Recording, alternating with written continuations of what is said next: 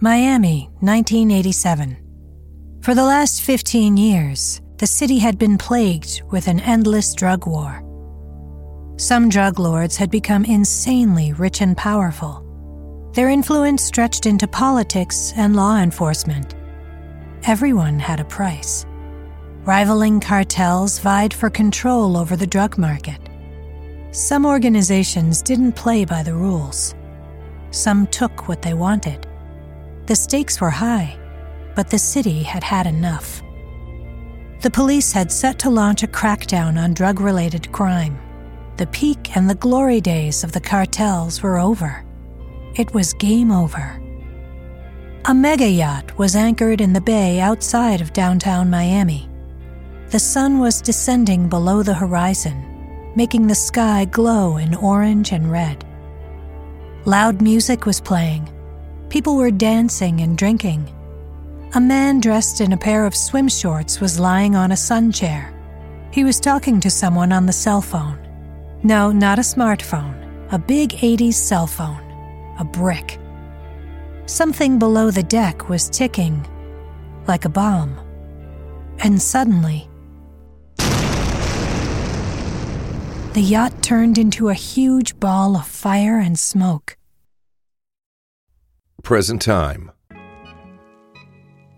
It was a beautiful day in the family friendly neighborhood of Lake Mary in Orlando, Florida. Bruce Spears lived in a large house together with his wife, Irina. Two cars were parked on the driveway outside a Tesla Model 3 and a Toyota Prius. The roof was covered in solar panels. You see, Bruce and his wife, they cared about the environment. They only ate organic food, traveled only when they had to, and put a lot of effort into recycling. It was mostly Irina's idea, but Bruce went along with it. He had to. Bruce was in his late 50s. He had grizzled hair and blue eyes. His body wasn't what it had once been, but he was still in pretty good shape due to regular exercise. Irina was in her early 40s, a good looking woman. She was blonde, had brown eyes, and was also in very good shape, half Russian on her mother's side. Bruce was working in the yard, planting new flowers. Oh, don't forget, we have the Costellos over for dinner tonight. Yeah, yeah. Bruce had actually forgotten about it, or repressed was perhaps a better word. He had to go to the store to buy the meat. When he went to his car in the driveway, he noticed an old lady across the street. She looked worried and confused. Bruce approached her to see how she was doing. Do you need any help there, lady? I was just going to walk across the street. Watch out for the traffic, though. It's a nice neighborhood, but people drive like lunatics sometimes. Let me help you cross the street. Oh, thank you, dear. If only there were more people like you. I'm just doing my part for the community. The dinner with the Costellos went better than expected. Bruce and Irina had moved to Lake Mary a year ago. Irina thought Bruce needed to branch out and meet new friends. She thought he was spending too much time with Tom. Tom Brannon was an old friend of Bruce. They had known each other for ages. Although they were almost the same age, their lifestyles were not exactly identical to say the least. Bruce lived a quiet life in a house with a picket fence and spent weekends on the golf course. Tom, on the other hand, was stuck in the 80s. He was partying hard, took a lot of drugs, and refused to settle down. Irina couldn't stand him and his lifestyle. The Costellos were a couple who lived next door, Barry and Gina. They were more of Irina's idea of friends. Barry spent a great deal of time on the golf course as well and had invited Bruce to come and play with him. So next week, we're going to South Africa on a golf trip. Yeah, but what's the difference? It's basically the same climate as here. You could have saved the money and played here at our golf course. Don't listen to him. It's not the same at all. I would love to go there sometime. But it's a long flight. It's not good for the environment. you got that right. But we have an electric car, so that won't keep me awake at night. That's good. I persuaded Bruce to cover our roof in solar panels. So, how did you guys meet? We met three years ago. I lived in the Caribbean at the time. I just sold my construction company in New York and wanted to relax. I was walking down the beach every night in the Bahamas. One time I spotted this beautiful woman. Our eyes met. I guess you could say love at first sight. The next day, I bought the ring. The rest is history. That is so romantic. My ex used to say that I would never fall in love again. I mean, it took a while, but when I met Bruce, I just knew we were meant for each other. So, you sold your construction company, Bruce. Are you retired now? Semi retired, I guess you could say. I still do some consulting from time to time.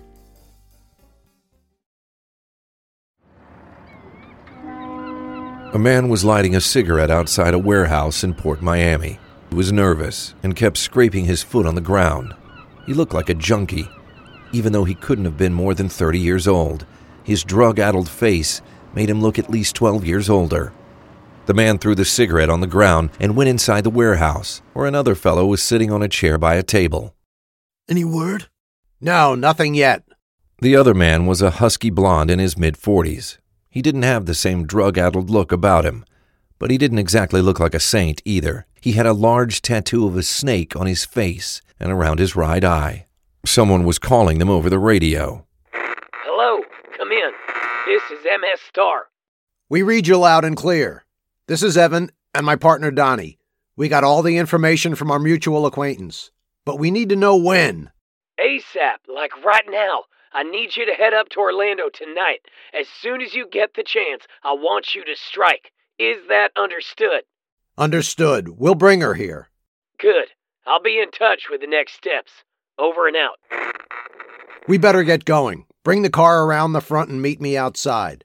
Finally. Detective Steve Burke arrived at the crime scene in downtown Miami, where the body had been found. It was late, and it had turned dark outside. The crime scene was cordoned off, and the policemen were searching the alley where the body had been found for clues. The coroner was examining the dead body.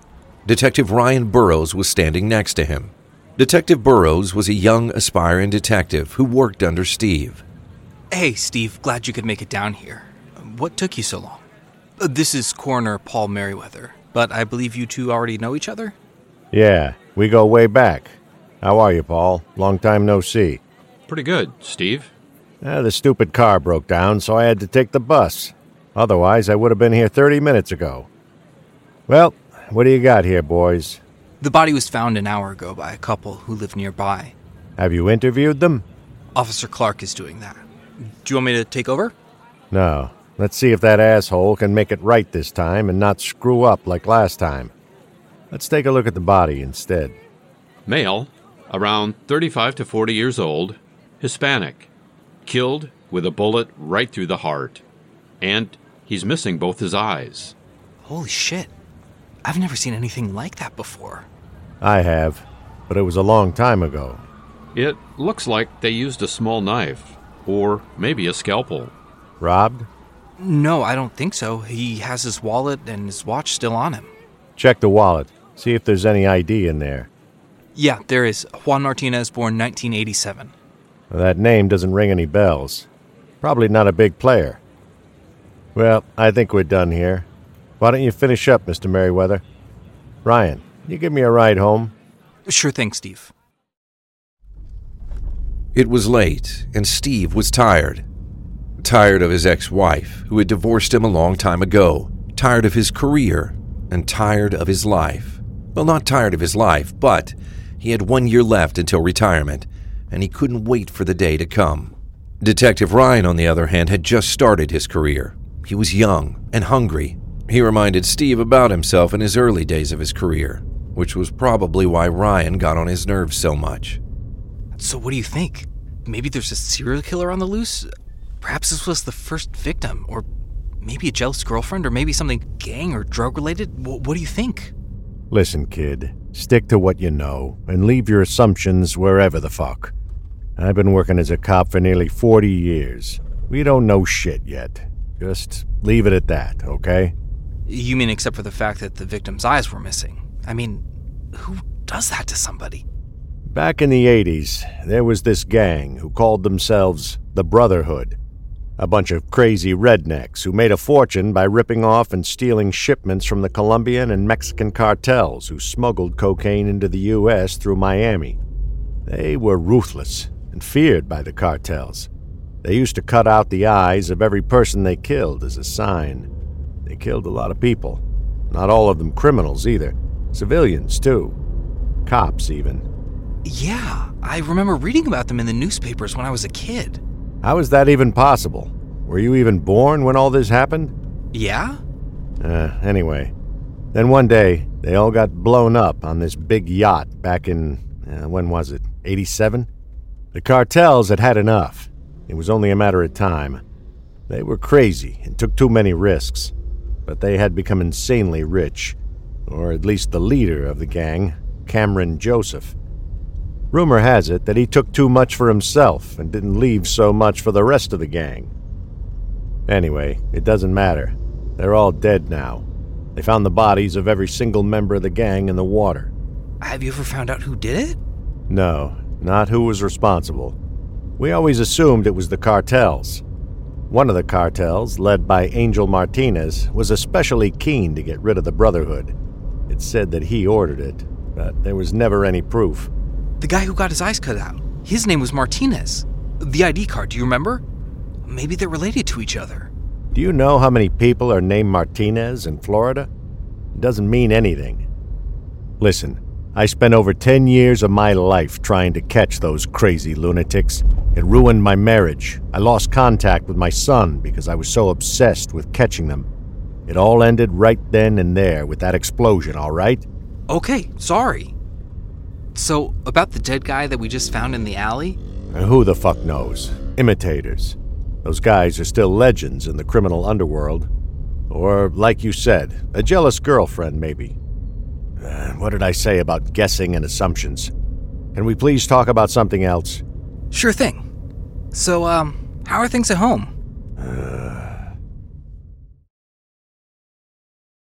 The following day, Bruce was waiting outside the Orlando Rehab Center. It was a nice day. The sun was shining. He tried to remember how many times he'd been waiting outside this place over the years. He had lost count. He looked up and saw a familiar face Tom. Hey, buddy. Thanks for picking me up. Ah, don't mention it. I've been here so many times I could practically drive here in my sleep. This is the last time. It's for real now. I am clean and sober. That sounds familiar. I have just made a huge step forward and accepted the next chapter of my life. From now on, it's meditation, vegan food, and caring about the environment. No more nightclubs, no more expensive cars, no more hookers, and no more blow. I'm done. Get in the car. I'll drive you home. Bruce was driving Tom to his penthouse suite in downtown Orlando. I'm serious, Bruce. You'll see. Irina doesn't want me to hang out with you anymore. She thinks you're a bad influence on me. What? Why? Just because I dragged you out to that party last summer? You know the one where I kicked the bouncer so he fell into the pool. Yeah, and they chased you across the dance floor until you tripped and your toupee fell off. You're 58 years old, Tom. Jesus, you gotta stop living like it's the 80s. You're stuck, man. Excuse me, but I'm not turning 58 until next week. I thought you wanted to experience the good old times. And besides, didn't you listen to what I just said? This is a clean slate. My new life begins here. You already got a second chance a long time ago. Don't you remember? Oh, don't even go there. Whatever. Here we are. I'll catch you later. Evan and Donnie were sitting in a black van across the street from Bruce and Irina's house. It was evening, and it had turned dark outside. Evan was looking through a couple of binoculars. Shit, they're home. Both of them. We're not doing it tonight. Why not? He's no match for us. Why do we have to wait until she's alone? That's just how we wanted it done. Don't ask so many questions. We're getting paid, aren't we? Yeah, I guess. Let's try again tomorrow. It was Wednesday morning. Steve arrived at the police station. He was tired, but at least he didn't have to take the bus to work anymore. His car had just been fixed. Steve grabbed a coffee on his way to his desk. It tasted like shit. They really needed a new coffee machine. Steve looked up. Someone had put up a funny poster over the coffee machine that said, This is the police. Come out with your pants down. He scratched his beard. He wasn't amused and decided to remove it from the wall. Even though only cops were allowed in this area, it didn't look good. He went to his desk. Steve wore a gray sports jacket and a light blue shirt underneath. The gray color of the jacket matched that of his hair. It was brushed backward, but it could not entirely hide the bald spot on the back of his head. Good morning. You're here early. I picked up the car from the shop yesterday. It's fixed. Ryan Burrows was a blond and handsome young man. He was in his early 30s and was very athletic. He was dressed in a blue polo shirt. You are not going to believe this. They found another body last night. Guess what? The victim was missing both of his eyes, just like the guy we found in the alley. It must be the same guy. What? That's odd. And you know what's even more strange? He was missing the middle finger on his right hand. It looks like it's been cut off. The finger. The other guy, Martinez, he wasn't missing a finger, was he? No. Have they been able to ID him yet? No, not yet, but I spoke with Officer Clark. You know the old couple in the alley?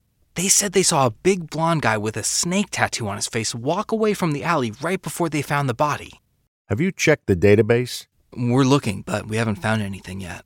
Let me know as soon as you have anything. Sure. Any witnesses to the second murder? Yeah, there's a guy coming in here later. I'm going to interview him. Good. I'm coming with you. Who is he? A pizza delivery guy. He arrived at the scene around 10:45 last night. He works at Gustavo's Pizzeria downtown. Uh, 25 years old, single, drives an old Honda Civic. Well, not when he's delivering pizza, then he drives a moped. Oh, that's a very important detail. He drives an old Honda Civic. Ryan, he's just a witness. Bruce parked the car on the driveway outside the house. He and Barry had been at the golf course. Thank you for looking after the house while we are gone. Don't mention it. It's the safest neighborhood in the city, but hey, you never know what can happen. I guess I'm the only criminal in this neighborhood. How's that? I cheat on my wife. Barry left. Bruce was relieved that he would be gone for two weeks. He couldn't stand him. They should go on vacation more often, Bruce thought to himself. Bruce opened the door to the house. The shock felt like a punch in the stomach. The inside was in absolute chaos overturned furniture and broken glass everywhere. It was too much damage to be a regular burglary. It looked like someone had been fighting for their life. Good thing Irina wasn't home. She went to the spa. It felt like someone was punching him in the stomach again, but this time even harder when Bruce remembered the plans had been changed. The spa was tomorrow, not today. Irina had been home all day. Bruce panicked. He yelled her name and looked all over the house for her, but she wasn't there. Bruce noticed something a letter on the kitchen table. He opened it. How much you love your wife and the life that you've built together? If you would like to see her again, you need to pay us $35 million in cash. We know you have the money. Have them ready by tomorrow night. We will be in touch regarding time and place. Detective Steve Burke and Ryan Burrows entered the interrogation room at the police station. The young witness looked nervous. Thank you for coming. Jason, was it? Jason Miles. Right. And you work at Gustavo's Pizzeria downtown? Yes. So, Jason, can you explain exactly what happened and what you saw? Well, I had a pizza delivered to a Mr. Russell, uh, Lou Russell, I believe. I drove there on my delivery bike. When I got there, I went up the stairs to his apartment like I usually do. I was just about to knock on the door when I heard raised voices. Then I heard a gunshot and a scream. What did you do then? I didn't do anything. I just stood there. Then the door opened. I caught him by surprise. I thought he was going to kill me too. But he didn't. He just looked at me deep in the eyes and said that he would remember my face. Then he left. It was very good of you to come here. It was the right thing to do. We will be able to offer you some protection. What did he look like, the killer? He was heavily built, blond, uh, and he had a big tattoo of a snake on his face. Thank you, Mr. Miles. Steve and Ryan looked at each other. There was no doubt. it was the same killer. Policemen and forensic technicians were swarming around Bruce and Irina's house. They were looking for evidence and fingerprints. A police officer was questioning Bruce. Has anyone attempted to kidnap your wife before? No. Have you or your wife ever been blackmailed? No, never. We live a normal, quiet life. I have no idea why this is happening. It's a complete nightmare. A tall man of African American descent came up behind the police officer. He was dressed in a black suit underneath a blue open jacket. The letters on the chest and arms of the jacket read FBI. Thank you, officer. We'll take it from here. The FBI agent said. He was tall and athletic and looked to be in his mid 30s. Yeah, I was done with the questions anyway. Thank you, Mr. Spears. Hi, Bruce. My name is Agent Tyrone Barkley. I'm from the FBI. I understand that you're still in shock but I'm afraid that I have to ask you a few more questions. Well, just like I told the officer, I don't know anything. I have no idea why they would target us. I'm not exactly a poor man, but I'm not extremely wealthy man either. It doesn't make any sense. I read the letter. The kidnappers seem absolutely certain that you have the money, unless they're just knocking on doors and trying their luck, which I find very hard to believe.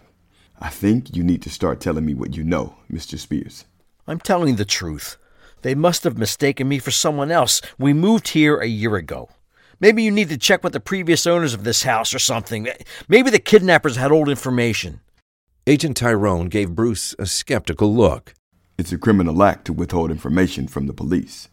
I assume that you are aware of that. I've told you everything I know. Well, here's my card. We'll be in touch. But if you think of anything else before then, you need to call me right away. Okay? Sure.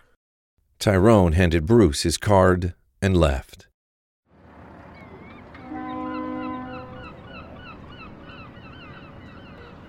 Evan and Donnie were back at the warehouse in Port Miami. But they weren't alone. They had brought Irina with them.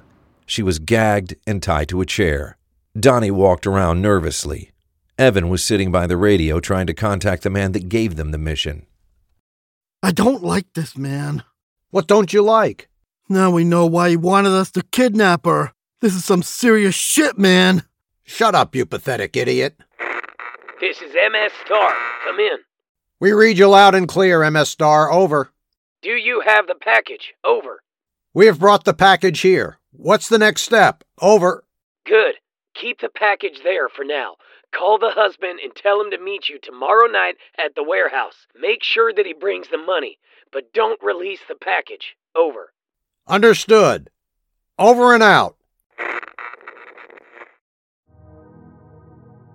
Bruce arrived at Tom's penthouse suite in downtown Orlando. It was evening, and the sun was setting. The penthouse style was sleek and modern. Even though Tom was stuck in the 80s, it definitely wasn't reflected in his apartment. Tom fixed Bruce a drink.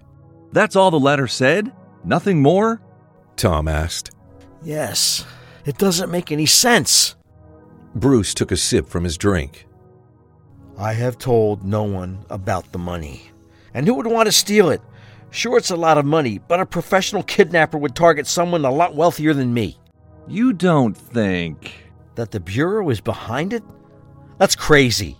Not behind it, but maybe they have leaked the information to someone? Yeah, but who? And what would they gain by doing that? Bruce's phone was ringing. Hello? Do you want your wife back? Bring the money to the old warehouse on Antarctica Way in Port Miami by tomorrow night at 8 p.m. sharp. Come alone and unarmed. If you involve the police and let them know of the location, then your wife is dead. Is that understood? Who are you? Is that understood? Yes, understood.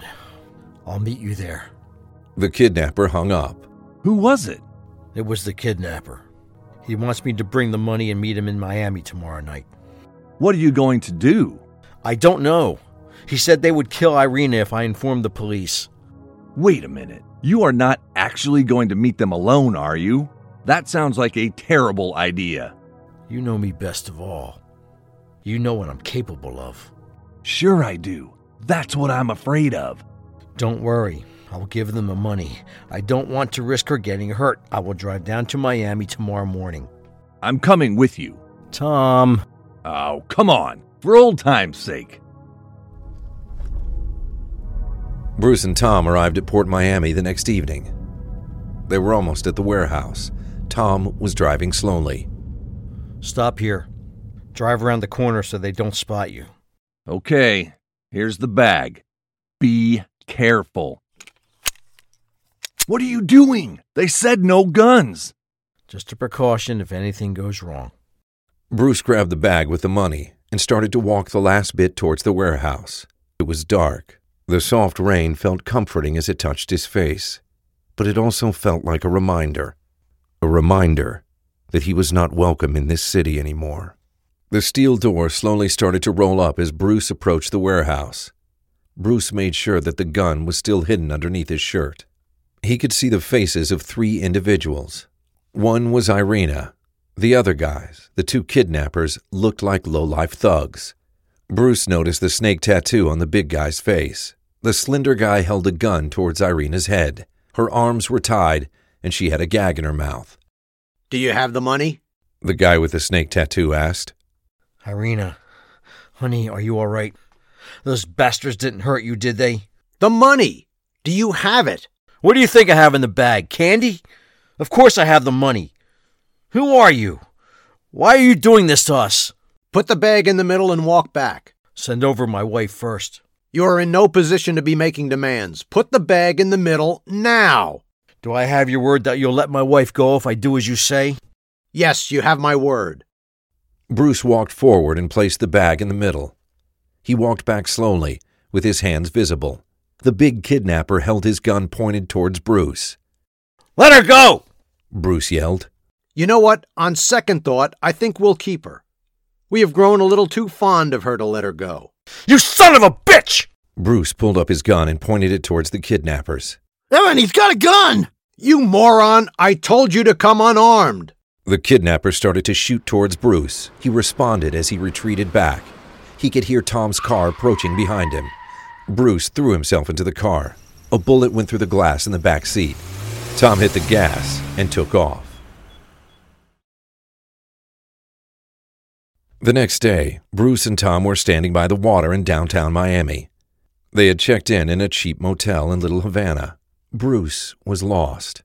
He kept thinking that the kidnappers had killed Irina, not to mention that he had also just given away $35 million.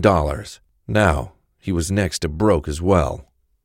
He called Agent Tyrone Barkley. Hey, it's Bruce Spears. Listen, I've got some bad news. What is it? I met the kidnappers. Things went bad. Shit, son. I told you not to do anything on your own. Yeah, and they told me not to involve you if I wanted my wife to live. You don't actually think I met them for fun, do you?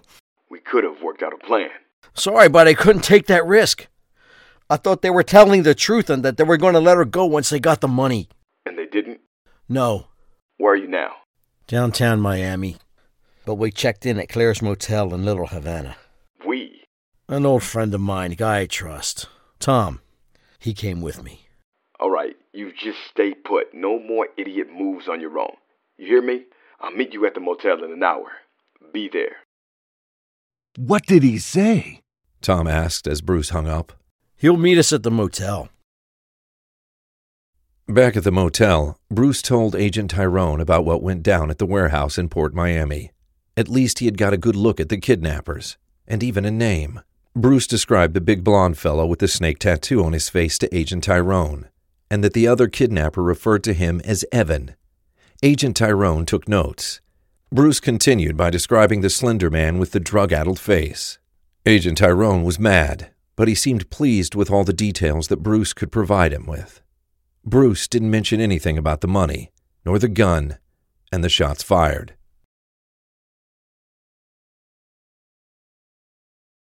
It was the usual morning briefing at the police station, only it wasn't a usual meeting. Police Chief McMullen had invited the FBI to talk about a kidnapping that took place in Orlando last week. The traces had led to Miami. According to Police Chief Jim McMullen, the FBI was in need of assistance due to limited resources. Therefore, the Bureau and the Miami Police Department would collaborate on solving the case. It didn't surprise Steve at all. It wasn't the first time they had to step in to do the Bureau's work. Steve was sitting in the briefing room. The coffee tasted bad as always. Around 12 to 15 police detectives were sitting by the oblong conference table. Steve could see all their faces. Ryan was busy taking notes. He never missed any details, no matter how insignificant they were. The two FBI agents were sitting opposite Steve. He knew one of them from before Tyrone Barkley. He was an ambitious and bold agent, but also a bit of a hothead. He took too many risks, in Steve's opinion, but he had an excellent track record. Steve tried to figure out who the other agent was. He was older, about Steve's age, a gray stubble, clear blue, piercing eyes. Steve thought he looked like a wolf. Good morning, girls. I will keep this briefing short and sweet. Steve, could you please stop looking so goddamn miserable and cheer up for Christ's sake? You might wonder who these two fine gentlemen are. They're from the FBI. This is Agent Tyrone Barkley, and this is Agent Michael Zasbo. Agent Zasbo has just been promoted to Special Agent in charge and will head up the local FBI office here in Miami. But of course, they're not able to handle their own shit. They require our assistance again. The man here in the picture is named Bruce Spears. His wife was kidnapped last week and is now being held for ransom. The kidnappers did not release her once they got the money. Why? Because they're greedy pricks. They have not, however, contacted the husband again after they got the money, but we are certain they will soon enough. Next time, we'll grab these guys by the balls. Is that clear? What do we know about the kidnappers? They are named Evan Duke and Donnie Blake, wanted for murder, extortion, drug trafficking, you name it. Interestingly enough, they have never been wanted for kidnapping before. We were able to identify them fairly quickly due to the tattoo on Evan's face. Steve froze when he heard about the tattoo. The killer that we're hunting in the case where the victim's eyes were cut out, he had a tattoo of a snake on his face. It's been confirmed by witnesses of both murders. You really are one step ahead, Detective Burke. Chief McMullen said sarcastically. That's the reason we're collaborating on this case. The Bureau is not in need of any assistance from the police, believe me. Agent Zabo said. This morning we found a third victim, also with his eyes cut out, and it looks like he's been tortured for a while. We were able to identify him right away. It's Angel Martinez, the notorious drug kingpin from the 70s and 80s. Still involved in some criminal activities, but not nearly as active as he was in the past. He was found in the basement of his mansion. Coroner Merriweather said he's been dead for at least two weeks. We have also been able to identify the second victim. He is the former leader of a notorious biker gang that used to operate here in the city.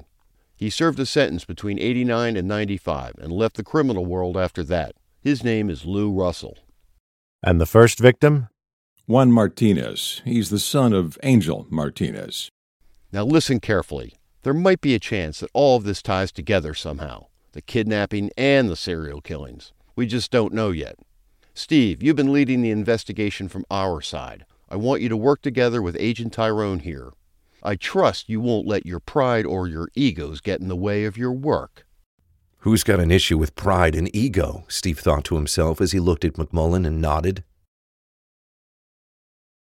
After the briefing, Steve locked himself into his room.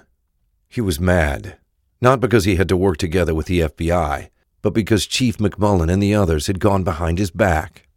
This was his case. Just one more day, and he would have discovered the identities of Evan and Juan Martinez himself. Why was it so urgent that McMullen got involved himself? Or did they think that Steve was incapable of doing his job? That he was old and tired? He looked at the crime board and wrote the names of Lou Russell, Angel, and Juan Martinez, all of them with their eyes cut out, all of them in Miami. But why? Steve felt like he was back in 1986 when he was hunting the Brotherhood. He had become so obsessed with the case that nothing else mattered. But there was a reason, and Steve didn't like to be reminded about that. He was thinking, what did these three men have in common? Steve had known Angel Martinez since the 80s. If there was a man who despised the Brotherhood even more than Steve, it was him. He lost two out of ten shipments of cocaine to the Brotherhood, Steve had a vague memory of Lou Russell as well. He wasn't very fond of the Brotherhood either. But then again, not many people were.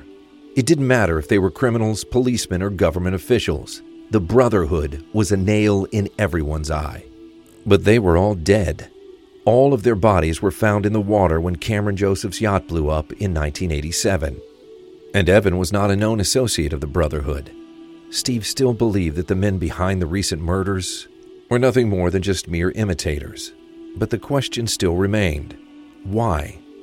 Even though the Brotherhood had been dead for a long time, Steve was certain that the answers were buried in the past. He knew who he had to contact if he was to solve this case.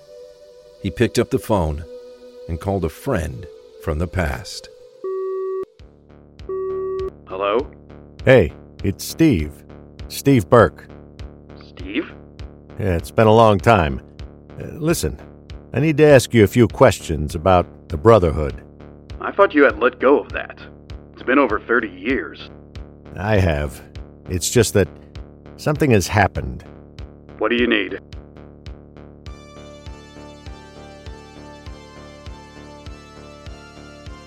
It was the spring of 1987. The Brotherhood was on top of their game. They had more money than they knew what to do with. They were stealing shipments from all the major drug cartels and criminal organizations that operated in Miami. Cameron Joseph, the Brotherhood's notorious and charismatic leader, was starting to get delusions of grandeur. The stunts were becoming increasingly daring, and so did the heat. Not just from the police, but from the drug cartels as well. The members of the Brotherhood loved and admired Cameron. He had made them rich and powerful. He was perceived almost like a folk hero by the local dealers and customers who were able to buy at a reduced price. Robin Hood, if you will. Cameron was meeting a few of his guys on top of a multi story car park in downtown Miami. He arrived in his black Lamborghini Urus SUV. It looked like a tank. Four men, Waylon, Bradley, Tony, and Archie, were waiting for him. Cameron got out and climbed on top of his car. Brothers, thank you for coming. I have summoned you here today because I have some good news. We are going to steal another shipment, but not just any shipment, oh no. This is Angel Martinez's Coke. You heard me. He is bringing in the biggest shipment of the year. We're going to steal it right in front of their eyes. If we pull it off, we will go from wealthy to extremely wealthy men. Now, who is with me? Hell yeah! Waylon told me it would be a big score, but not this big. Count me in. Said Bradley, a rather handsome man in his late twenties. He was blond, had blue eyes, and a small mustache. I don't even care about the money. I just want to wipe that stupid smile off his face. You can count me in as well. Tony was a big guy with long brown hair. He used to be a biker before he joined the Brotherhood. He was dressed in a black leather vest. Waylon tried to look enthusiastic as well, but he couldn't hide the fact that he was worried. Waylon was Cameron's right hand man. He used to be a crazy lunatic with nothing to lose. Waylon usually carried out Cameron's orders when he wanted someone gone. He was a skilled hitman. It's a huge risk. They will not be able to forgive us for this. Are you sure it's worth it? If the money is not a good enough reason, then listen to this. Angel Martinez will personally be overseeing the deal. We might have a chance to take him out of the picture for good. They will come after us with everything they've got. A white sports car arrived on the car park rooftop and pulled up next to Cameron's car. It was Damien. He was Cameron's younger brother. He was dressed in a white tank top and blue jeans. He had dark blonde hair and intense eyes. The deal's going to take place near Miami Beach. I watched our friends the whole day and they just arrived. It'll take some time for them to load, but we need to head over there right now. Let's go then. We'll meet up with Hank on the way. He's brought guns and vests. Mount up, brothers. Present time. Bruce was sitting in his room at Claire's Motel in Little Havana. He was looking at pictures of Irina on his phone. Bruce smiled as he scrolled through the images. Images from the Bahamas, their trip to Paris, the day that they bought the house in Lake Mary. He wondered if things would ever go back to normal, or if he would ever see her again. Irina was smart. Even if the kidnappers released her, Bruce knew that she had already figured out that he was not the guy she had thought he was. He felt like a fraud. Someone called his phone. It was the same number as before. It was the kidnappers. Hello. I'm sorry that things did not go as planned before. I would like to offer you a second chance to get your beloved wife back. Come to the old building on 55 Northeast 9th Street in downtown. Meet us on the rooftop in one hour. And don't bring a gun this time. Because if you do, I will put a bullet in her head before I put one in yours. Is that clear? Yes, it's clear. Something was not right. Why would the kidnappers just let her go when they decided to keep her earlier? They could have easily made another demand in order to squeeze more money out of Bruce. It definitely sounded like a trap. But then again, were the kidnappers so stupid that they thought he would fall for this? Something was definitely not right here. Cameron pulled up by an alley near Ocean Drive. A man was standing by a car with an open trunk. It was Hank, another member of the Brotherhood. I got everything you need in the trunk. The trunk was full of submachine guns, Uzis, FNP 950s, AKs, you name it. Hank was a gun nut, but he was also good with numbers and managed the organization's finances. He didn't see himself as a criminal, more like an accountant. It was self deception taken to a whole new level. Hank also arranged deals with arms smugglers in Nicaragua that could supply the Brotherhood with cheap guns. And he loved to party. Hard, Are you coming with us on this one, Hank? said Bradley. Hell yeah! I wouldn't want to miss this. It'll be the score of the year. That's the spirit. Present time. Bruce was going to meet up with Agent Tyrone a few blocks away from the building where the so called exchange was going to take place. Bruce didn't rise to the bait. Not this time. This time, he was going to let the FBI handle it. Agent Tyrone approached him, but he wasn't coming alone. Hey, Bruce. Let me introduce you to Detective Steve Burke and Detective Ryan Burrows from the Miami Police Department. It's a pleasure to meet you, gentlemen. You'll have to excuse me if I'm a bit agitated. It's just that my wife is being held in that building over there by two crazy psychopaths. They've been briefed on the situation. Have you heard anything more from the kidnappers?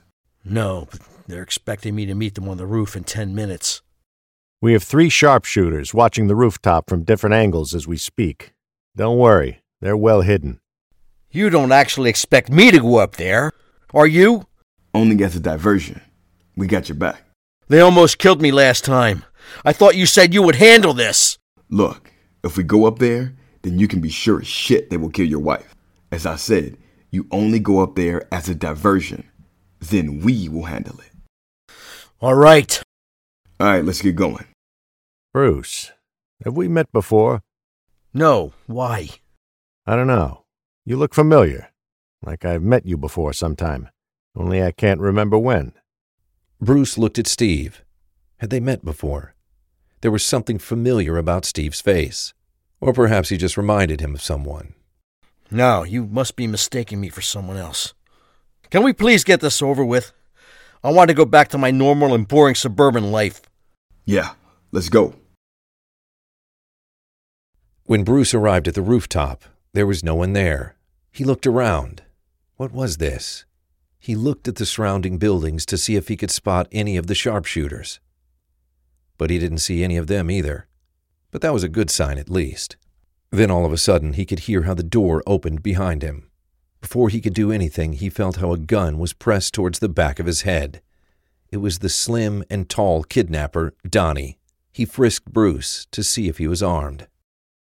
He is clean.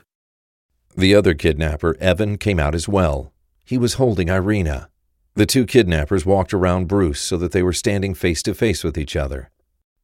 Glad you could make it. I must apologize for that unfortunate misunderstanding last time.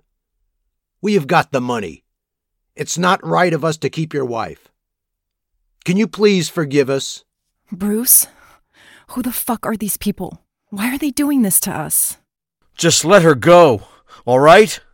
Of course, of course. But first, we would like you to meet someone. An old friend of yours has been looking forward to this for a very long time. Who? What are you talking about?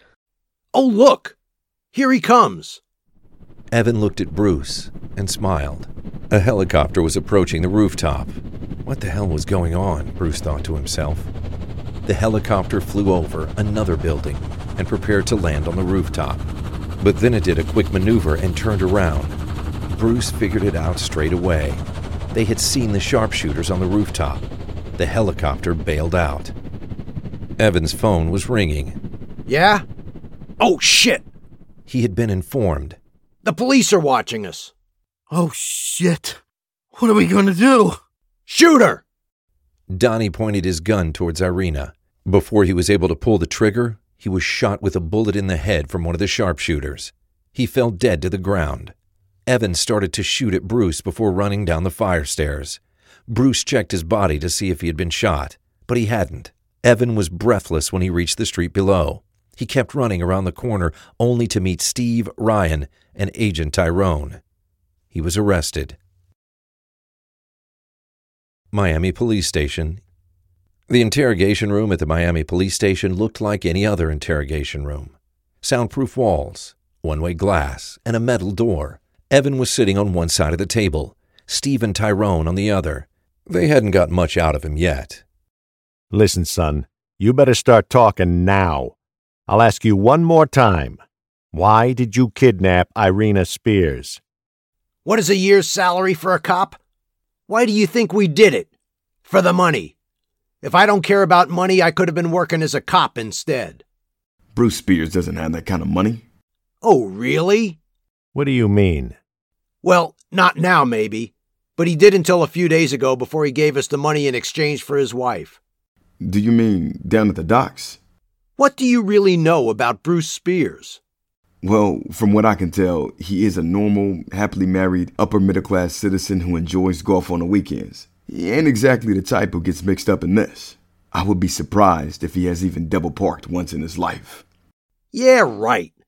Look, Evan, I have spent my whole life chasing scum like you, and I'm growing tired of it. You're in a lot of trouble. Tell us what you know. Who hired you? Who told you to kidnap Irina Spears? You killed Donnie. I had known that guy for over 10 years. I ain't saying shit. Agent Tyrone lost his patience. He smashed his fist on the table and grabbed Evan's shirt. Well, unless you want to end up like him, I suggest you start to tell us everything. Now. Come on, calm down. Bruce and Irina were home, back in the house in Lake Mary, Orlando. Things were back to normal. Irina was working in the garden while Bruce was practicing his golf swing. no, not exactly. In fact, it was chaos. Bruce was packing his bags. Irina wanted to know what the hell was going on. She had just been through the most traumatic experience of her life. Bruce, what the fuck is going on? I don't know. You need to tell me. Do you owe someone money? Do you have a gambling addiction or something? Not exactly. Look, I will tell you everything. But right now, we need to get out of here. We'll pick up Tom on the way. Tom? Why? What are you talking about? Where are we going? Out of town. We need to lay low for a while. I, I, uh, I know a good place.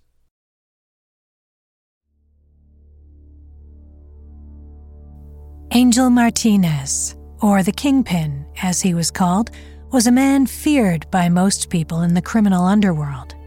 He was the biggest drug baron in Miami by far.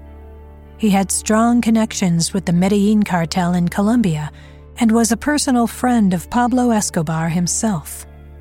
He had connections in both law enforcement and in the government.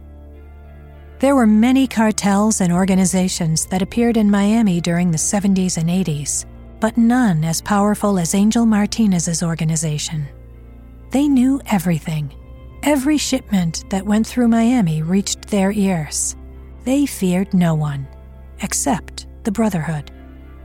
Angel Martinez's men were patrolling the parking lot where the deal was going to take place. Angel would be overseeing the deal personally. That didn't happen very often, only during the biggest deals, and this was the biggest drug deal of all. Angel had brought over eight tons of cocaine into the country. A biker gang called the Fallen Angels were going to buy half the shipment four tons of cocaine. Angel got out of his car. The biker gang showed up. They were led by a man named Lou Russell, a cold hearted killer. Lead by fear was his motto. No wonder he and Angel Martinez got along so well. What a wonderful day. Two fine gentlemen, pillars of the society, are about to close an extraordinary deal. How are you, old friend? You look good. How's the wife treating you? Wonderful. Did I tell you? She gave birth to our son. We will name him Juan, after my uncle. One day, he will inherit all of this. Do you want my advice? Teach him everything you know. You never know when it could be over. My uncle was a lion. Brave, smart. He taught me everything I know. Then, I killed him. I took over the organization. What use did I have for him? Let me tell you something. I will not make the same mistake with Juan. Oh no, amigo. Not until the time is right. You can't trust anyone in this business. You of all people should know that. Not even your family. I guess you're right. But as long as the business runs smoothly and the money keeps coming in, I think we're good, right? right, amigo. Let's have a look at the product, shall we? Cameron, Waylon, Hank, Damien, and the rest of the guys were watching from the other end of the big parking lot. It was time. They checked their weapons. Cameron, Bradley, Tony, and Archie in the first car, Damien, Waylon, and Hank in the second, right behind them. Cameron hit the gas. The big Lamborghini Urus SUV approached Martinez and the bikers at full speed. Cameron got out. He fired a shot with his sawed off shotgun. One of Angel's men was shot dead. Then all hell broke loose. Angel and Lou's men were caught by surprise. A few more people were killed. Lou grabbed his gun and shot Archie five times in the chest. Damien and Waylon managed to shoot two of Lou's guys. Angel, Lou, and the remaining guys ran for cover and escaped. The Brotherhood had claimed ownership of the shipment four tons of cocaine. They lost Archie, but that was a small price to pay. They had just gone from rich to extremely wealthy. If you thought Cameron had an ego before, forget about it now. Present time. Bruce and Irina parked outside of Tom's penthouse in downtown Orlando. Tom was already waiting for them. He put his suitcase in the trunk of Bruce's Tesla and jumped in. So, what's the plan? We're going to Lake George. I know a place where we can lay low. That old place out in the swamps? Oh, you gotta be fucking kidding me. Yeah? Would you rather get shot? I still wish someone would tell me what the hell is going on.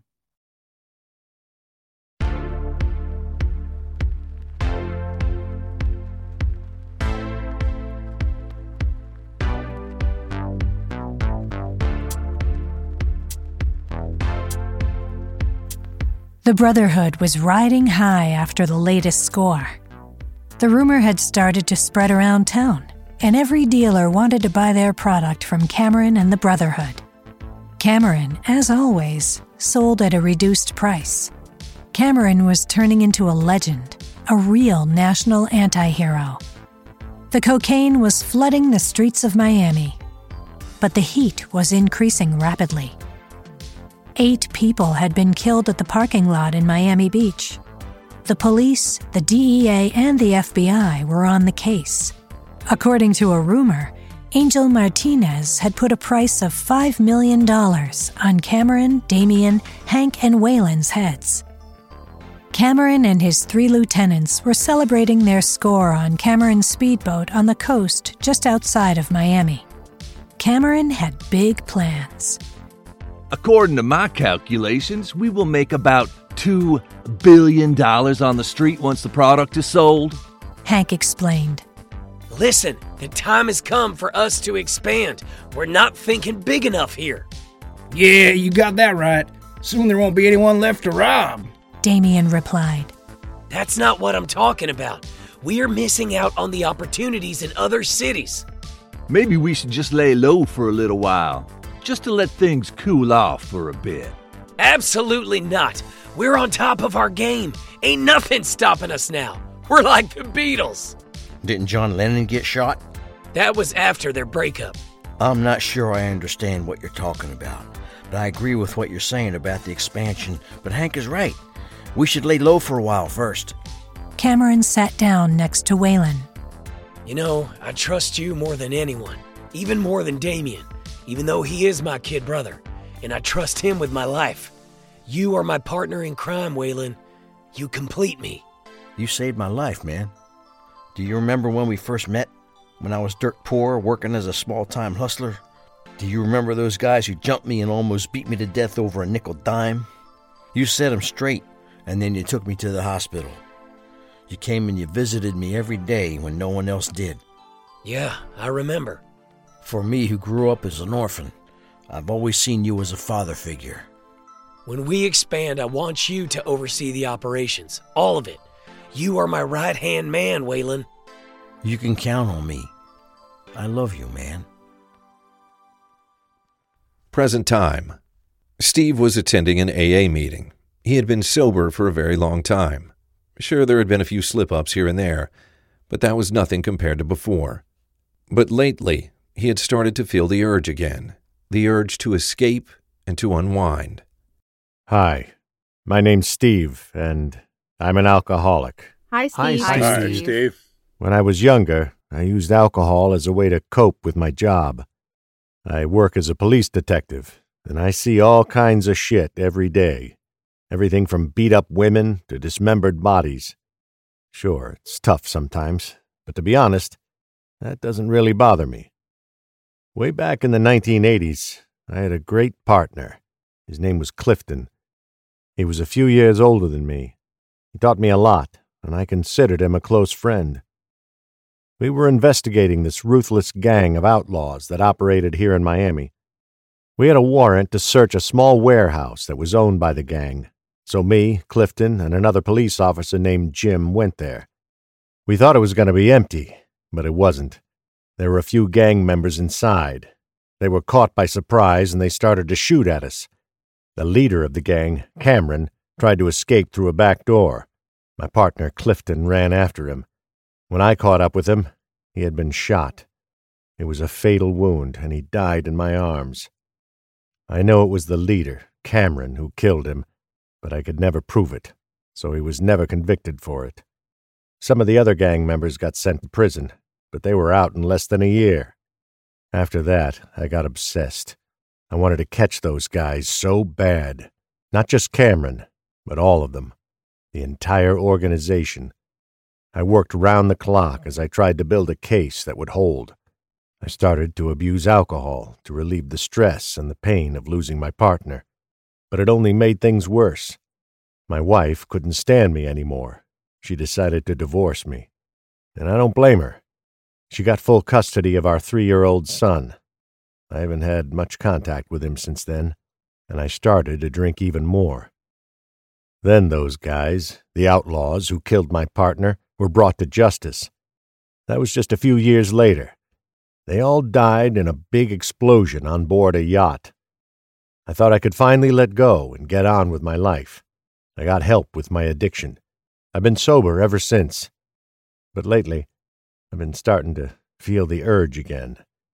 I can't go into too many details, but let's just say it's related to my work and the events that happened a long time ago. I've been drinking to cope with that, and I'm so afraid I'll fall back into the same hole. Bruce parked outside the old cabin by Lake George. It was raining. The cabin was small and dilapidated. It was clear that no one had lived there or even looked after it for a very long time. It was in the middle of nowhere. No neighbors. The nearest town was over 20 miles away. It was the perfect safe house. What is this place? Who does it belong to? No one. How do you know about this place then? It's creepy. Bruce and I bought this place a very long time ago. I know it doesn't make any sense. I hate the outdoor lifestyle. Yeah, it was more of an investment. We thought the area was on its way up, but I guess we were wrong. Yeah, clearly. Yeah. Where are you? Listen, Evan has been stabbed to death in a cell at the police station. Someone is trying to cover the tracks. Someone within the police department. We're out here by Lake George. I can send you the coordinates. Stay where you are. I'll meet you there.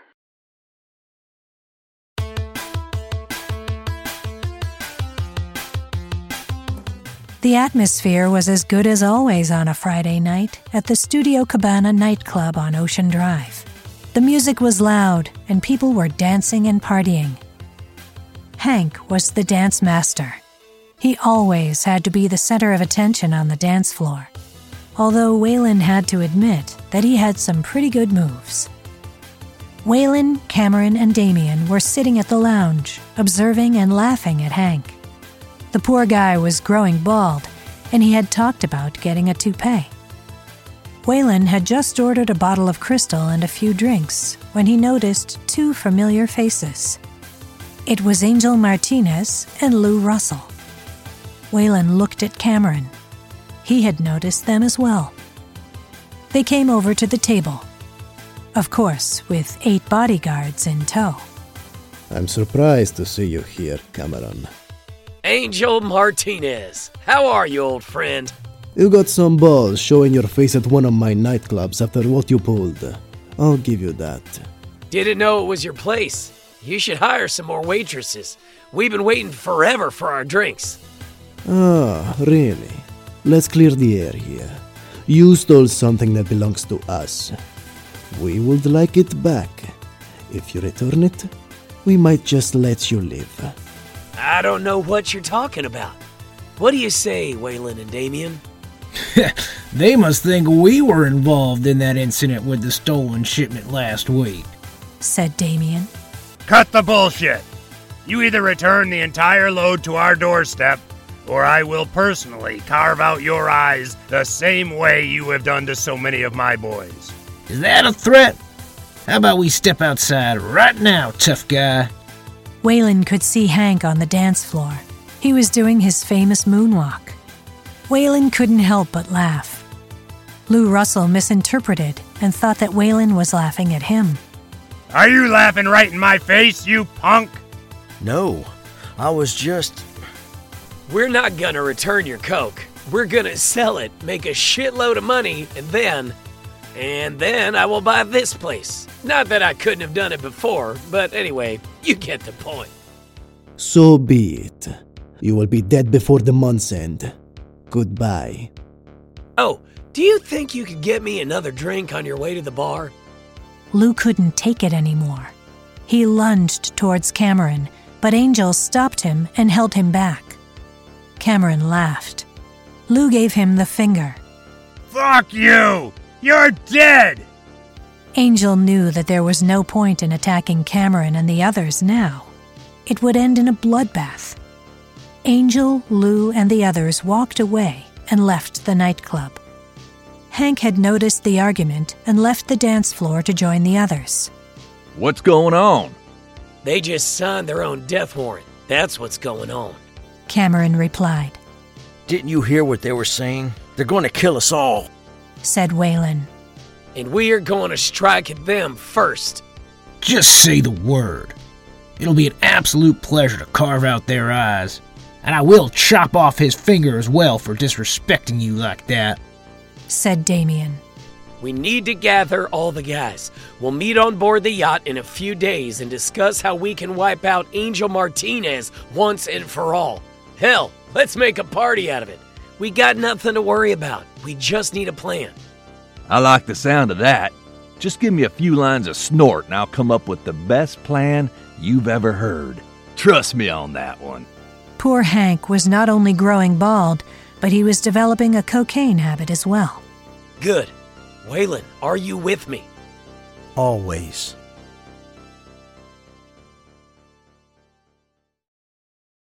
It was the 21st of June, 1987. Waylon had woken up early. He was leaving his home in Coconut Grove and was going to meet the guys down at the racetrack. A car pulled up next to him as he backed out from the driveway. Waylon rolled down the windshield.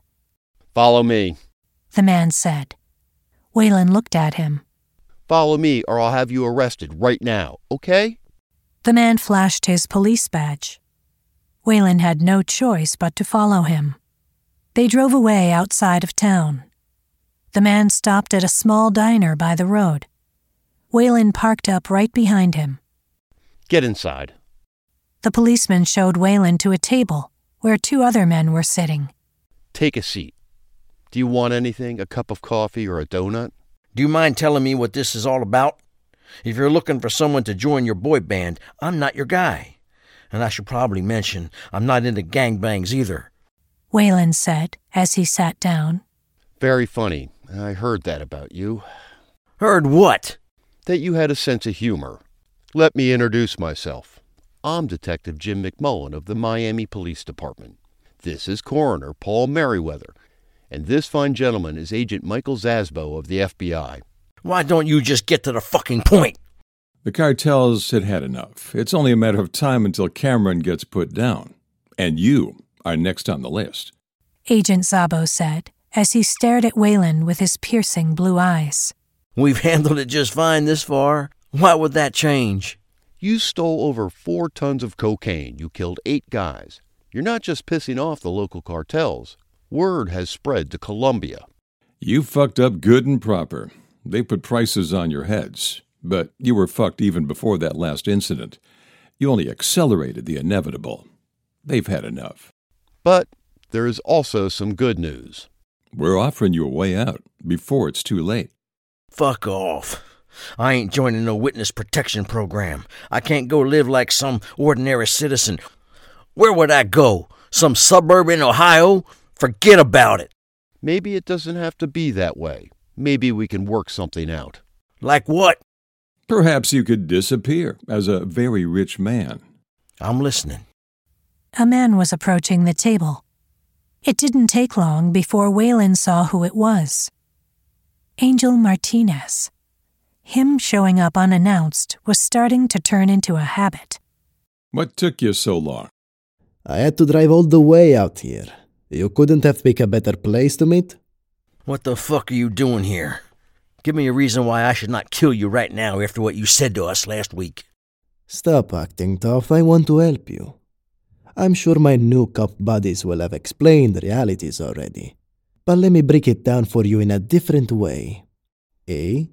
You continue to work with Cameron, and you will be dead before the month's end, just as I promised when we met last week. You will be tortured. The Colombians will cut out your eyes, cut off your tongue, and your cock before they kill you. Not after unlike you guys. Your methods are nothing compared to these guys, believe me. I've seen it myself. Or B.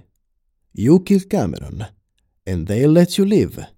You kill him, and then you get access to all of his money. You split the money between the four of you. Entiende? I'm not asking for a cut. I just want to get rid of Cameron. It's a win win. What do you say, amigo? So should I kill him just like that? After all we've been through. He's like a father to me.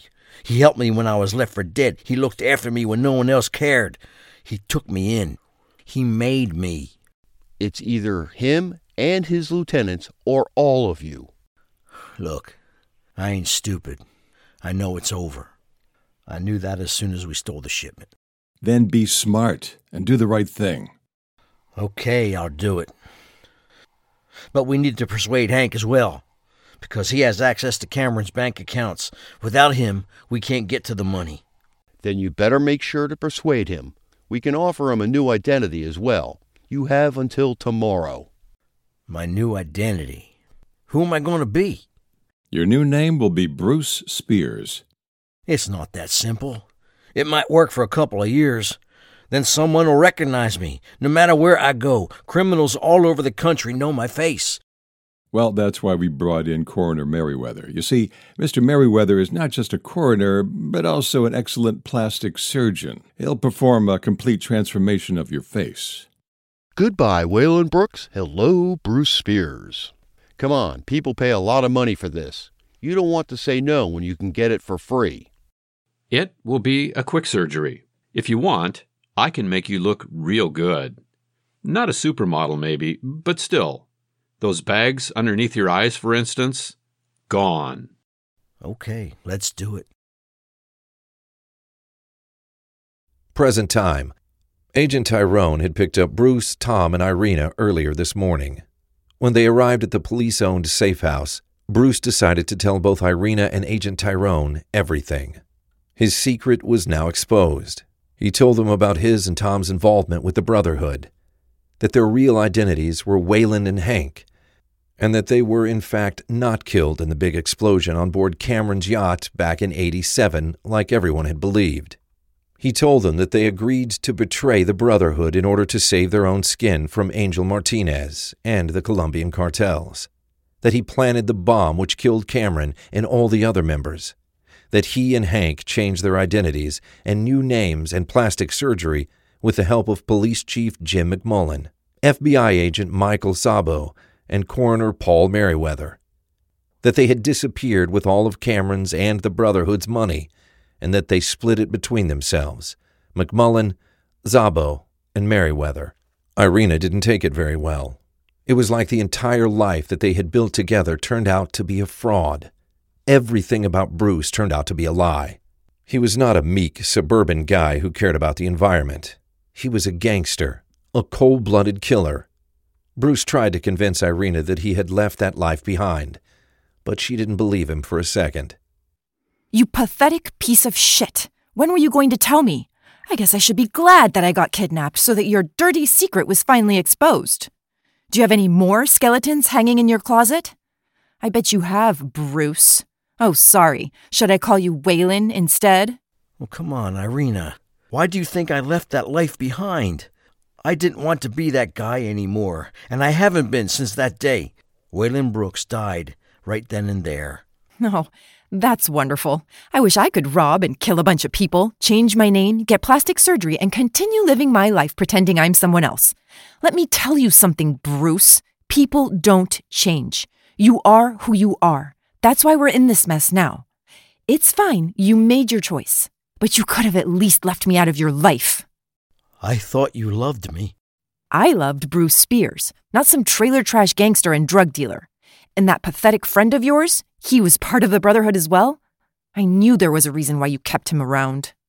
God, I miss that time. Everything was so much easier. I don't feel like I belong in this modern world. Me neither.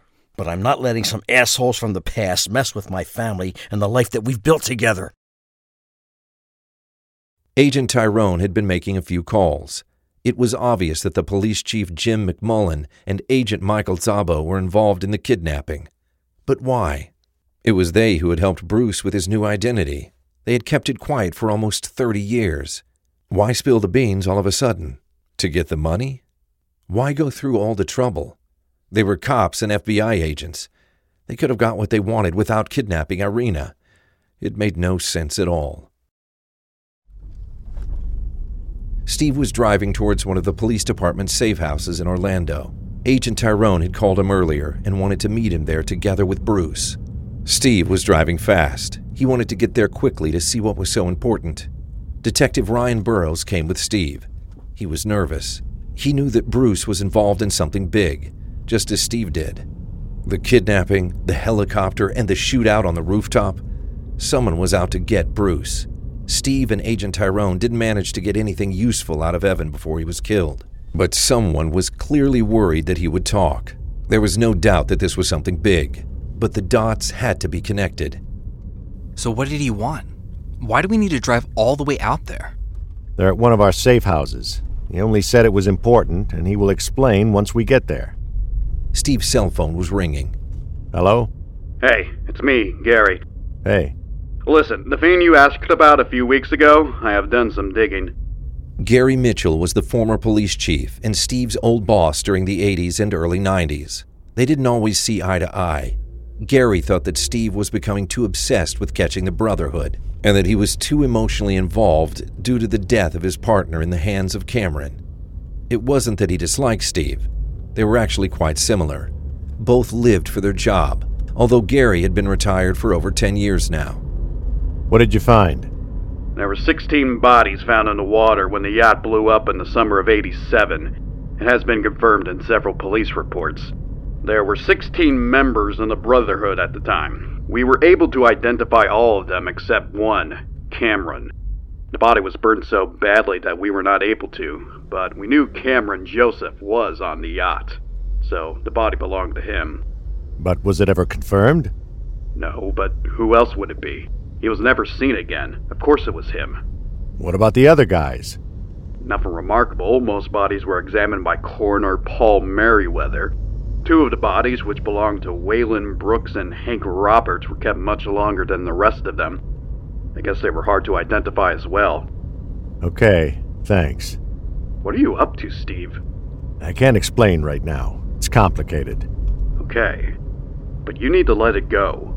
It's been over 30 years. Jesus, it's not healthy to dwell on this. I told you that even back then. But clearly you didn't listen. Yeah, I know. And hey, thanks for the information. I appreciate it. So long. Look after yourself. Agent Tyrone, Bruce, and the others were waiting outside when Steve and Ryan arrived at the safe house. Steve parked the car and went out to meet them. What's going on? Hey, look, you're not gonna believe this. The kidnapping and the serial killings, all of it is linked to the Brotherhood. His real name is not Bruce Spears. He is Cameron Joseph's right hand man, Waylon Brooks. And this guy right here is Hank Roberts. What are you talking about? It looks nothing like them. And besides, they're dead. They died 30 years ago. No, in 1987, Bruce was persuaded by the police, the FBI, and Angel Martinez to sell out Cameron. In exchange, he would be spared by the cartels in Colombia. It was Bruce who planted the bomb on board the yacht that killed everyone. Hank, or Tom as he calls himself now, transferred all of Cameron's money, and it was shared equally between himself, Bruce, Chief McMullen, Agent Zabo, and Coroner Merriweather. Bruce and Tom got plastic surgery, new identities, and disappeared with Cameron's money. Agent Tyrone explained. McMullen? Apparently so. And Agent Sabo as well. Those greedy motherfuckers. Look, it wasn't just Cameron's money they were after. It was to get in good with the cartels. You have no idea how far their influence stretches. Do you think it's a coincidence that McMullen and Sabo are now the police chief and head of bureau? But why go through all the trouble with the kidnapping of Irina? And who's behind those serial killings? Why would McMullen and the others do that now after all this time? Detective Ryan asked. I don't think McMullen and Sabo are behind either the killings or the kidnapping. I think Cameron Joseph is alive, and I think he's behind everything. Well, that's impossible. They found his body, didn't they? They found a body, but they were never able to identify him due to the severe burns. You gotta be fucking kidding me. Are you telling me he's been alive during all this time? It's possible, but I don't know for sure. Well, he ain't gonna find us here, that's for sure. Oh shit, I completely forgot. I bumped into McMullen right before we left. I told him where we were going. But what does McMullen have to do with Cameron? Well, someone must have told Cameron about Bruce's real identity. It's either him, Sabo, or Coroner Merriweather. Or maybe all of them. Then we need to leave. Right now. Where? Doesn't matter. Anywhere is safer than this place right now. Wait a minute. Where are we going now? All of you, get in the cars. Why? I didn't ask for any of this. And besides, they only want Bruce and Tom, right? Not me. I could just walk away right now. I thought you would stand by my side. and get killed? Forget about it. You don't seem to get it. It's over. Fuck you. I don't want you in my life anymore. Oh, that's very nice. To have and to hold. Yeah, right. Could we please have this argument another time? I would very much like to live, said Tom. Look, Irina, you can walk away, but know this. If Cameron is alive, then you are his best chance to get to Bruce. If he catches you, which he will, he will torture you for information. When he realizes you don't know where Bruce is, he'll kill you. I know this guy. I know what he's capable of. Okay, fine. I'm staying. For now. Good. We need to leave right now. We've wasted enough time already. Me and Ryan will take my car. Bruce, Tom, and Irina, you will go with Agent Tyrone. Stay right behind us, okay? Sure thing. Let's go. The rain was pouring down as they were approaching the highway by Lake Apopka, even though Agent Tyrone couldn't have been more than 20 feet behind Steve's car. Bruce could barely see them. The windshield wipers of Agent Tyrone's Lexus were put in the highest speed, but it didn't help.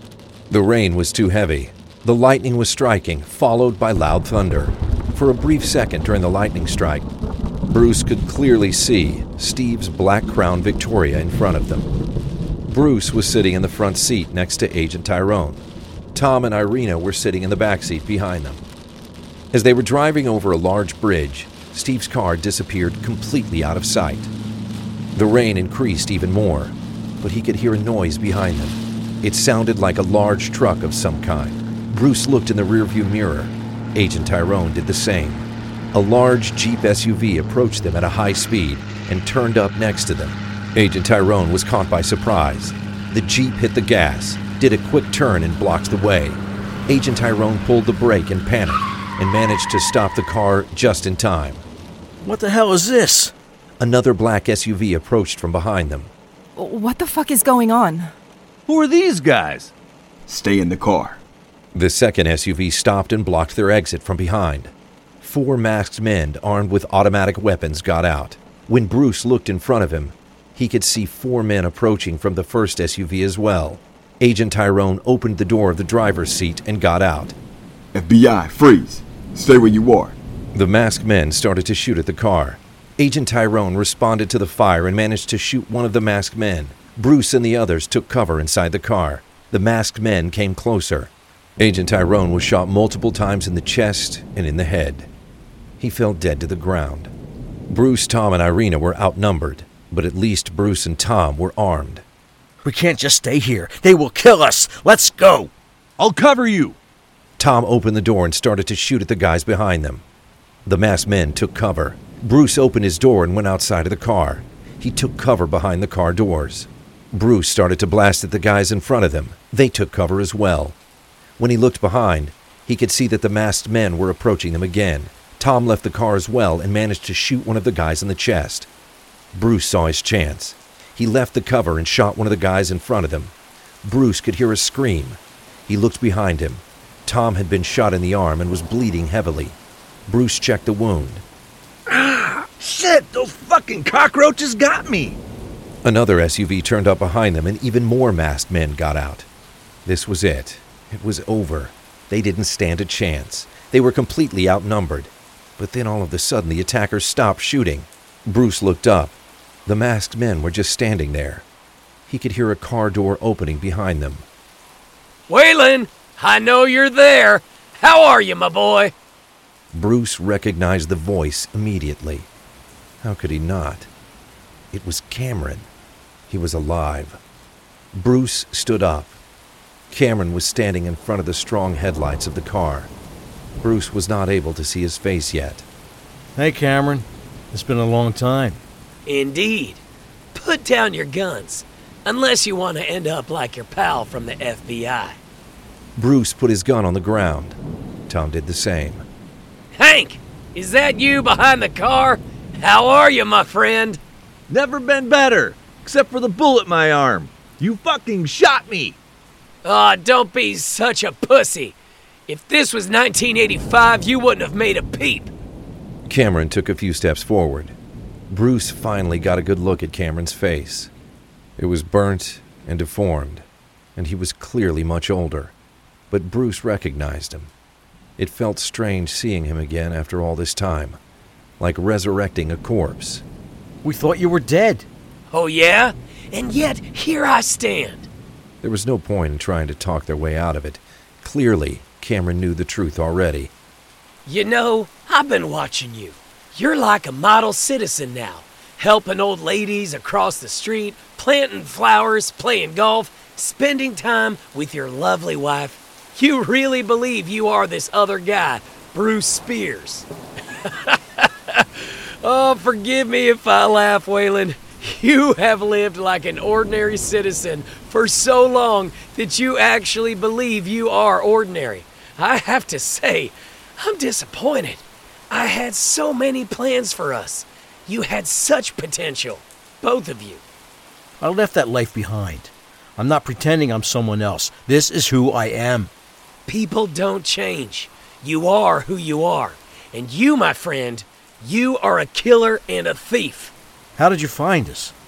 Oh, it wasn't easy. When you blew up my boat, oh, and I love that boat, by the way, I figured that the cartels were behind it. I thought you were dead too. Ironic, I know. I was pretty much broke. I took what little money I had left and fled to South America. I lived there for almost 20 years. I tried to start a new life, like you, but you know me. I'm not like you guys. I can't just go and live like some ordinary citizen. So I started all over again, doing small time stuff pocket picking, burglaries, you name it. Eventually, I met a few guys in Nicaragua who smuggled dope into the US, so I began working with them. But I only had one thing on my mind revenge. One day, I would take everything from Angel Martinez, just like he took everything from me. Eventually, I also became the leader of the gang I worked for in Nicaragua. I had to convince the guys that I was more suited for the role, so I stabbed our old leader in the back. A few years later, I had enough money and power to start expanding into the U.S., but I did it quietly. I let my guys infiltrate Angel Martinez's organization and sabotage things as much as they could from the inside. I wanted his gang to rot from the core. When I had weakened them enough, I decided that it was time to kill Angel Martinez himself. But first, I wanted him to suffer even more. I wanted to kill someone close to him, a relative, just like he killed Damien. I wanted that asshole to suffer like I suffered. So I hired that schmuck Evan and ordered him to kill his son, Juan. I heard that he took it very hard. Poor guy. It couldn't have been easy losing his only son, especially since he was meant to inherit his criminal empire. Oh well, things don't always go as planned, do they? You know, I cut out his eyes, just like we used to do. That shook him up big time, apparently. Then I did the same thing with good old Lou Russell. You remember him, don't you? I knew he was involved as well somehow. I had Evan chopping off his middle finger. I felt good. After that, I decided that it was time to kill Angel himself and finally get my revenge. But that's when things took a very unexpected turn. I snuck into his mansion during the night. First, I thought about blowing him up on his yacht. That would have been more poetic, I suppose, but it would be over too quickly. I wanted him to know that it was me and that I was alive. So I decided to kill him in his home with a knife. I broke in and jumped him in the kitchen, stabbed him a few times. It took a while until he realized that it was me. I told him that I had killed his son, that it was revenge for Damien and for the Brotherhood. I told him that I would torture him before I killed him. That's when he confessed. I thought he was bullshitting me at first. He told me that you were alive and that it was you who betrayed me with the help of Jim McMullen and Michael Sabo. I didn't believe him, so I killed him. But I couldn't get it out of my head. So I decided to track down both McMullen and Sabo. After I threatened them with killing their wives and kids, they confessed. They gave me your names and your addresses in exchange for their lives and their families' lives. I spied on you for weeks. Then I had Evan kidnap your wife. I wanted you to suffer as well. The plan was to kill her right before your eyes on the rooftop in downtown last week, before I killed you. The plan changed though when you brought the FBI. But hey, I'm a patient man.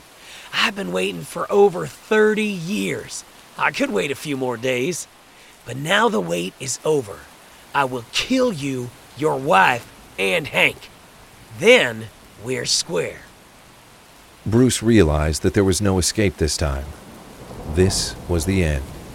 Bring them down on their knees over here. The masked men grabbed a hold of Irina and Tom and dragged them from the car next to where Bruce and Cameron were standing.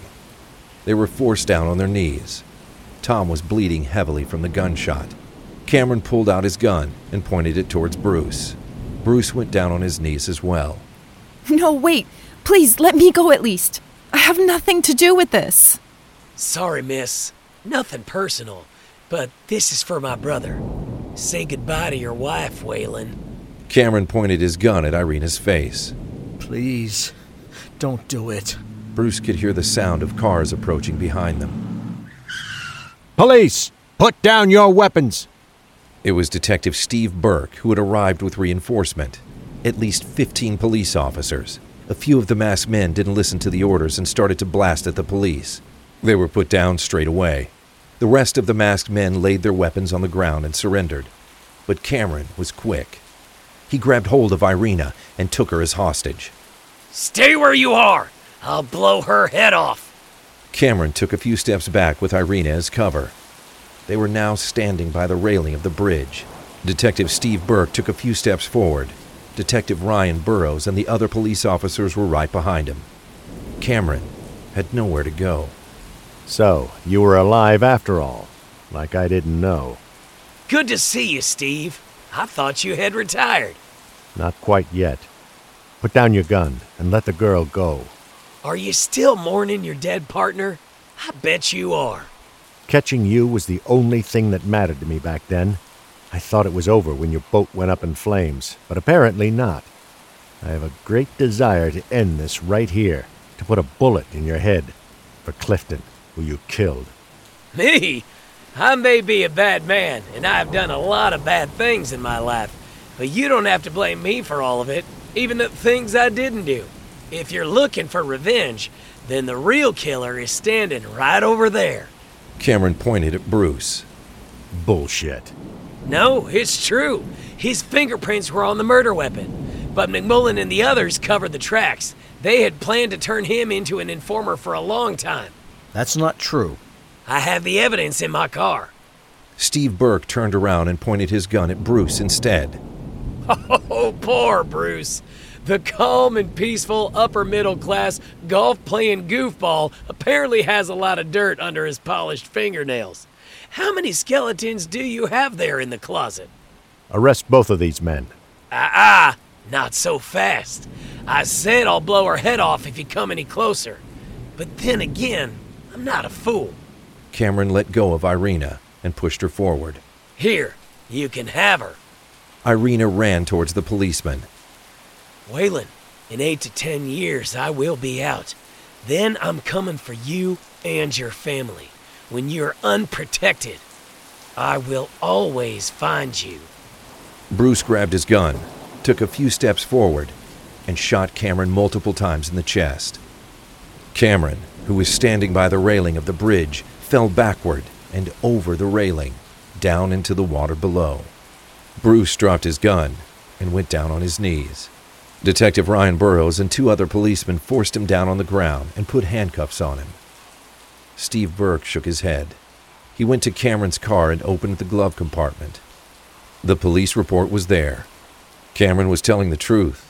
It was Bruce who shot and killed Clifton all those years ago.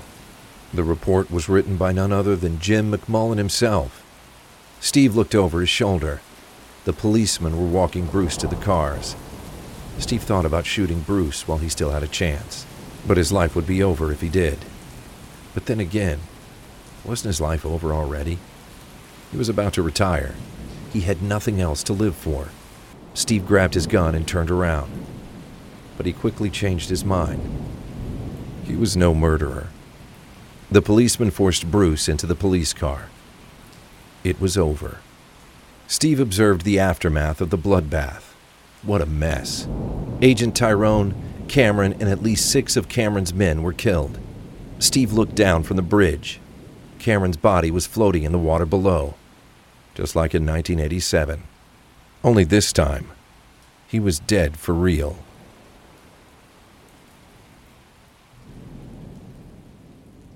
A few months later, Bruce was sitting in his cell at Miami Federal Detention Center. He was back where he belonged. He was a criminal. He had been a fool to pretend otherwise for so many years.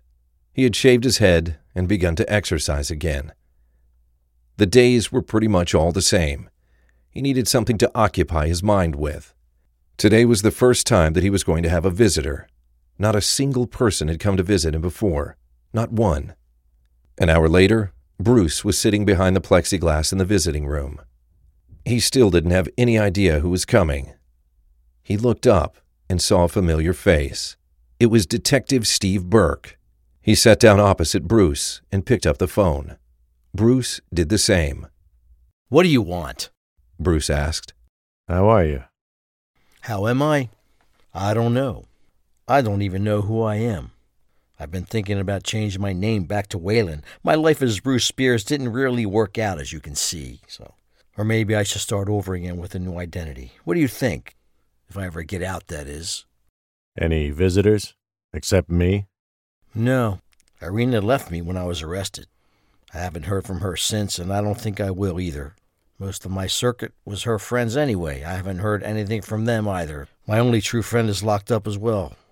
How is he, by the way? Tom? He's fine. A minor gunshot wound in the arm. I think he's fully healed by now. But he's facing trial for numerous murders. The money laundering and the drug trafficking has exceeded the statute of limitations, but there's no such thing for murder, and the same goes for you. Yeah, I know, but at this point, I don't care anymore. The government can give me the chair if they want. You're also guilty of killing my partner, Clifton. Why did you do it? Why? He got in the way, that's why. It was nothing personal. It never was, any of it. I'll retire tomorrow. I just had to see your face one last time now that I know it was you. Bruce gave Steve a serious look. There's another thing that I've been wondering about. The last body. The one we thought was Cameron for all those years. Who was it? You'd never believe me if I told you. Very well, then. I hope you die alone and that your last years are going to be miserable. Goodbye, Waylon. Detective Steve Burke left. Bruce went back to his cell. He sat down on the bed and pulled out a long string from his sleeve. He looked up at the hook on the ceiling. The next day, Steve Burke and Detective Ryan Burrows drove down to the pier in downtown Miami. Steve was now officially retired. The guys at the station wanted to throw him a party, but Steve rejected. So, what's the plan now? Oh, I don't know. One day at a time, you know? Well, you don't have to let your thoughts dwell on the Brotherhood anymore, at least. yeah, I guess you're right. Did I just see you smile? I wasn't even aware that you were capable of it. You gotta do that more often, man. Was I smiling? Oh, you know.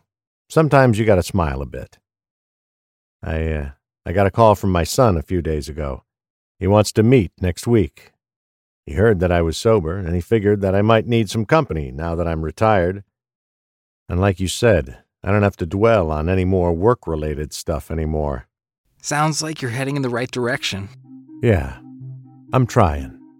Steve looked out at the water, where Cameron's yacht blew up in 1987. The sun was setting. The heat from the explosion hit Waylon's face as he looked behind him after jumping into the water. The yacht had turned into a huge ball of fire and smoke.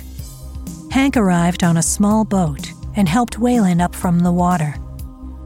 The city is in shock today as all leading members of the notorious gang The Brotherhood were killed in an explosion aboard a yacht just outside downtown Miami last night. The details are not yet clear, but police have confirmed they suspect a rival gang or a criminal organization is behind the explosion that claimed 16 lives, including the leader of the gang, Cameron Joseph. This is what Miami's newly appointed Chief of Police, Jim McMullen, had to say earlier this morning. While this certainly is a most tragic event, I would still like to say that we do not mourn these people. They were the lowest form of scum killers, robbers, and drug traffickers. I would even go so far as to say that this is a great victory for the city of Miami. This was one of the most active and violent criminal organizations in the history of this town. and our beautiful city will remain a much safer place now that they are gone. But with that said, a full investigation is, of course, on the way. We will find those responsible and bring them to justice.